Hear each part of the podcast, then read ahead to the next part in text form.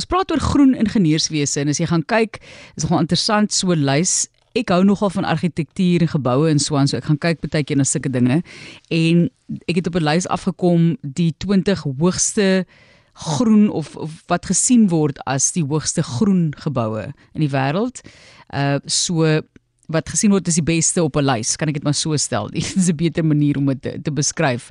Die Shanghai gebou, die toring daarso in China is nommer 1 op die lys. Dit is gebou in 2015 en dis die hoogste groen wolkekrabber om die vertikale gemeenskap te verbeter wat bestaan uit 9 sones wat bo op mekaar gestapel is.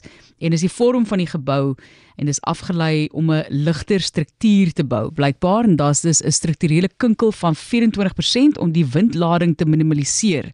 Die toring beskik ook oor 'n spiraalvormige borsvering wat reënwater opvang en vir interne lugversorgingsstelsel gebruik word. So baie interessant daarso en dan tweede op die lys indien jy uh, gewonder het, dit is die Bank van Amerika in New York, gebou in 2010 en dan 'n kommersiële wolkekrabber waarvoor dit gebruik word. Dis die eerste hoë kommersiële gebou wat LEED Platinum behaal het en dis ontwerp met die konsep wat mense se verbintenis met die natuur beklemtoon deur die maksimum benutting van daglig en vars lug en die gebruik van lae E-glas en hitte gereflekteerde keramiekvrye gordynmure help om die hitte toename in die gebou te minimaliseer.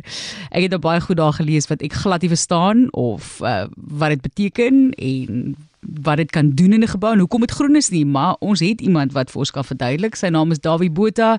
Hy is 'n siviele ingenieur en hy was onder andere vir 19 jaar die uitvoerende direkteur van die SA Instituut van Siviele Ingenieurswese. As ingenieur is hy tans mede-voorsitter van Proset en dit is 'n onderafdeling van die Nasionale Wetenskap en Tegnologie Forum. Welkom aan jou Dawie. Goeiemôre Materlies. Kom ons praat 'n bietjie oor groen ingenieurswese. Presies wat beteken dit? Ja, en Matelies, jy het my nou vanmiddag op 'n totaal ander spoor gesit met julle verslag oor die gestremde dame en die gestremde perd. So ek wil graag uh, net daarmee begin. Ek uh, groen ingenieurswees is eintlik iets oor volhoubaarheid. Jy weet en ek dink dit is belangrik om om daardie konsep te verstaan dat die aarde en die geboue en die strukture wat ons doen moet volhoubaar wees en dit sluit ook in dat ons vir almal moet voorsiening maak. Uh miskien uh, sal jy dit makliker verstaan as ek bedoel of sê dat uh, daar by voetgangersoorgange wil 'n knobbel plaveisel sit om vir blinde mense te sê hier's 'n oorgang. Nou dis se veel ingenieurswese daarin. Verlede week in die Kaap het die voetganger verkeerslig daar aan Siepunt my soms snaps gepla want dit biep biep uh dit is nou weer elektroniese ingenieurswese van daardie uh verkeerslig waarsku blinde mense onder andere hier is iets voor jou. Nou die regte regte uh begrip is waarskynlik dat ons hier praat van ergonomie. Dit beteken hoe die mens se behoeftes uh in ag geneem moet word as jy ontwerp werk doen. Nou julle sal dalk onthou dat Frans Ferreira het al 'n paar keer vir ons gesels daai die Noord-Kaapse projekte. Nou een van sy seuns het 'n meganies ingenieur geword. En hy het onder andere proteses ont, ontwerp as meganiese ingenieur en dan ook in die teaters bygestaan as hier proteses ingeplant word. Dis ons praat nou van kniegewrigte en heupgewrigte. Nou ek dink bitter min van ons mense weet dat uh ingenieurs soms ook in 'n operasieteater te lande kom. Nou ek is net bly ek hoef nie daar te gestaan nie, maar ek is bietjie bang vir vir verspuitnaalde en vir bloed en sulke dinge. Maar goed. Uh en dan wil ek net 'n laaste enetjie noem voor ek uh, dan aangaan met die met die praatjies wat ek nou maar, geskryf het. Ons het baie jare gelede by uitvoering in die Linderoort toring gesit en toe sien ek hoe iemand met 'n 'n 'n rolstoel daar moet sukkel om 'n plekkie te kry om te gaan sit om die uitvoering by te woon. En ek het direk daarna het 'n hele artikel daaroor geskryf en ook aan die Linder Auditorium geskryf gesê mense, julle moet voorsiening maak vir mense met gestremthede. En ek dink dis daardie siviele uh, bewusmaking van die behoeftes van mense wat uiters belangrik is en wat miskien nie genoeg beklemtoon word as 'n ingenieurswese nie. Maar soos ek vir jou gesê het, dit het my nou van vanmiddag totaal op 'n ander spoor gesit en miskien kan ons later meer daaroor praat. Nou ja, groen ingenieurswese ehm uh, en wat dit beteken is nogal 'n warm patat vandag en ek dink die die woord groen ingenieurswese is dalk net so bietjie bietjie misleidend. Dit gaan meer oor volhoubaarheid. En ek hoop om in 'n paar praatjies 'n bietjie verder daaroor te gesels. Ehm um, en dan kan ons 'n bietjie meer inligting ook oor Suid-Afrika kry.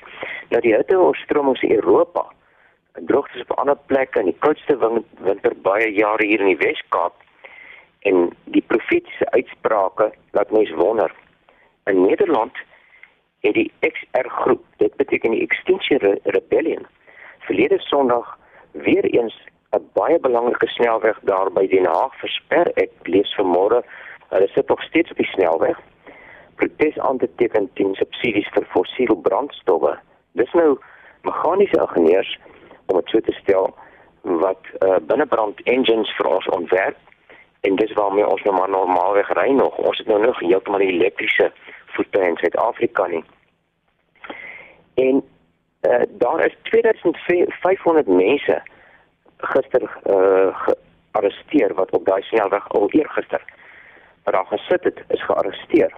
Maar dit is 'n belangrike saak en ons as ingenieurs moet kennis neem daarvan. En Sondagmiddag was daar 'n pek uit die Helegonda kerk in hier Rotterdam en dit het gaan wat is oukei okay, en wat is nie oukei okay nie. En dit gaan oor ons gedrag ehm um, ons vlieg oral oor, ons mors met kos, ons bestel onnodige goeder op internet. En in plaas daarvan tevrede wees met ons klere, koop ons al meer alhoewel die arme mense wat dit in Indië en ander plekke teen hongerloon produseer, hulle wil maar net 'n geldjie om te oorleef. So dit is 'n moeilike saak hierdie en in al hierdie uh sake wat ek nou genoem het is ingenieurs op een of ander manier betrokke chemiese ingenieurs meganiese ingenieurs ehm um, lugvaartingenieurs en so kan ons aangaan. Maar dit is nou uiteindelik wat ons sê wat bedoel ons met groen ingenieurswese? Dis volhoubaarheid. En die feit is dat ons as ingenieurs in diens is van bewoners van die aarde. Ons moet voorsien in die mense se behoeftes vir water, skuilings, geboue, vervoer, riool, elektrisiteit, chemiese behoeftes en dit kan so voortborduur die wetenskaplikes doen natuurlik navorsing en ons as ingenieursprofessies uh, neem dan hierdie dinge en ons maak dit werk.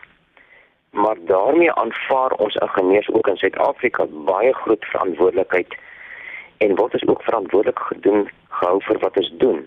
Miskien meer as die wetenskaplikes in 'n sekere sin want uh, ons ons produkte is baie sigbaar En dan in Engels wat ek net noem, volhoubaar is dis die sustainable development.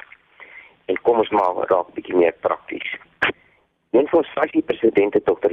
Ron Watermeyer het sy presidentsrede genoem, dis the sustainable lifestyle our responsibility for the 21st century. Nou hy het die hele presidentsrede uh gewy aan aan hierdie sake en hy was dapper genoeg om te sê dat ons in die volgende 50 jaar 'n tweede aardbol sal nodig hê om te oorleef. Dit lyk net dis nou al reeds minder as 50 jaar. Maar word dit meer prakties? Hoe sit Afrika gebou? Die begrip van volhoubare bronne, volhoubaarheid is maar 'n relatief nuwe begrip. En ons land is natuurlik tot 'n groot mate gebou met beton, bakstene, bitumen vir paaie, strate se ryvlakke, staal, glas en meer onlangs gebruik ons byvoorbeeld PVC grootskaalse pipe en dis maar onlangs dat ons land se mense begin het om huishoudelike afval te skei van ander vullis maar daar's baie meer wat gedoen kan word en weer eens is ingenieurswese aan al sy aspekte betrokke. Kom ons kyk na 'n paar voorbeelde. So rukkie terug is berigte dat 'n pad in die Oos-Kaap gebou is waarvan die ryvlak in eenvoudige terme gestel herwinde plastiek is en blykbaar is hierdie projek 'n sukses. Met ander woorde, ons kan ons kan die goed wat ek en jy weggooi in die asblik, kan ons uiteindelik gebruik gebruik om op te ry. Op talle gedeeltes van ons snelweë en stedelike paaie word daar deesdae gebruik gemaak van 'n mengsel van rubberkorreltjies en bitumen. En dis bekend as whisperkors. Nou ek het uh sover ek weet is dit 'n Franse uitvinding. Miskien het julle al opgelet dat as jy op die ringpad om Johannesburg ry of in die Weskaap N2 of op die R43 hier verby Onrus rivier by Hermanus, dit skielik stiller raak in jou kar. En in hierdie geval word gebruikte motorbande wat 'n reuse probleem geword het gemaal om korrels te voorsien, rubberkorrels en die resultaat is 'n stil, veilige en duursame oppervlak en ook nogal re uh, redelik glyvry en baie stil op die oor. Interloops, die geraas van motorvoertuie is grootliks die bande op die teerse skuld. Dit is een voorbeeld van groen ingenieurswese. En dan sou jy seker oplet dat op baie plekke waar paaie herstel word, daar is so 'n groot skaafmasjien is wat die of toplaag van die pad uitsny en opmaal en dan word daar weer 'n bietjie bitumen bygevoeg en dan word dit weer gebruik om die toplaag te hernie. Nou, dit is groen ingenieurswese. Hier in Hermanus gaan Bouwers Warehouse nou binnekort 'n nuwe winkel bou. En vir die hele tyd al word die bourommel bourommel van afgebreekte geboue afgelaai boop. En toe kom daar 'n groot vergryser of klipbreker op die toneel. Daardie masjien maal die rommel en daardie einste rommel word dan weer bourom met boumateriaal vir die fondamente en parkeerterreine. So in plaas om nuwe grysgroewe te grawe, word die bestaande materiaal weer benut. Ek het byvoorbeeld in Durban gesien hoe bourommel van 'n gebou wat afgebreek word, direk in die maalmasjien verwerk word en aan die ander kant van die masjien staan 'n betonmenger. En die puin word daarin direk verwerk tot nuwe beton en van daar af gaan dan die fondamente van 'n nuwe gebou. Dis groen ingenieurswese en volhoubaar. En so kan ons ook uiteindelik bou.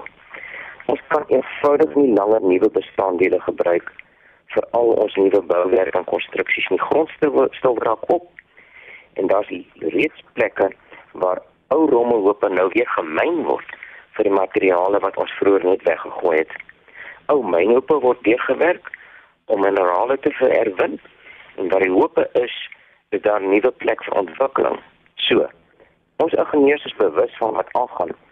In Suid-Afrika uh, het ons uh, instituut byvoorbeeld uh, afdeling vir uh, groen ingenieurswese of omgewingsingenieurs soos genoem word waar die ingenieurs 'n bietjie meer leer hoe om dit te doen. Ons het uiteraard net een aarde en nie meer as een nie. So ek wil dan later bietjie meer oor hierdie volhoubare projekte praat en hoe ons land gehelp bou is en hoe ons nog gaan bou in die toekoms. Want dit is uiteraard ons as ingenieurs se verantwoordelikheid om 'n groot deel van ons land se toekoms te verseker. Inderdaad Dawie en jy weet 'n mens baie kere wil iets goed doen en dan is die gevolge nie altyd so goed nie. So ek dink daar's altyd ja. maar nog en nog en nog ontwikkeling en navorsing wat gedoen ja. word wat dinge gaan verbeter in die toekoms. Ons moet maar net glo en ons sê baie dankie vir die siviele ingenieurs wat kyk na hierdie vraagstukke en oplossings daarvoor vind. Baie dankie. Plesier.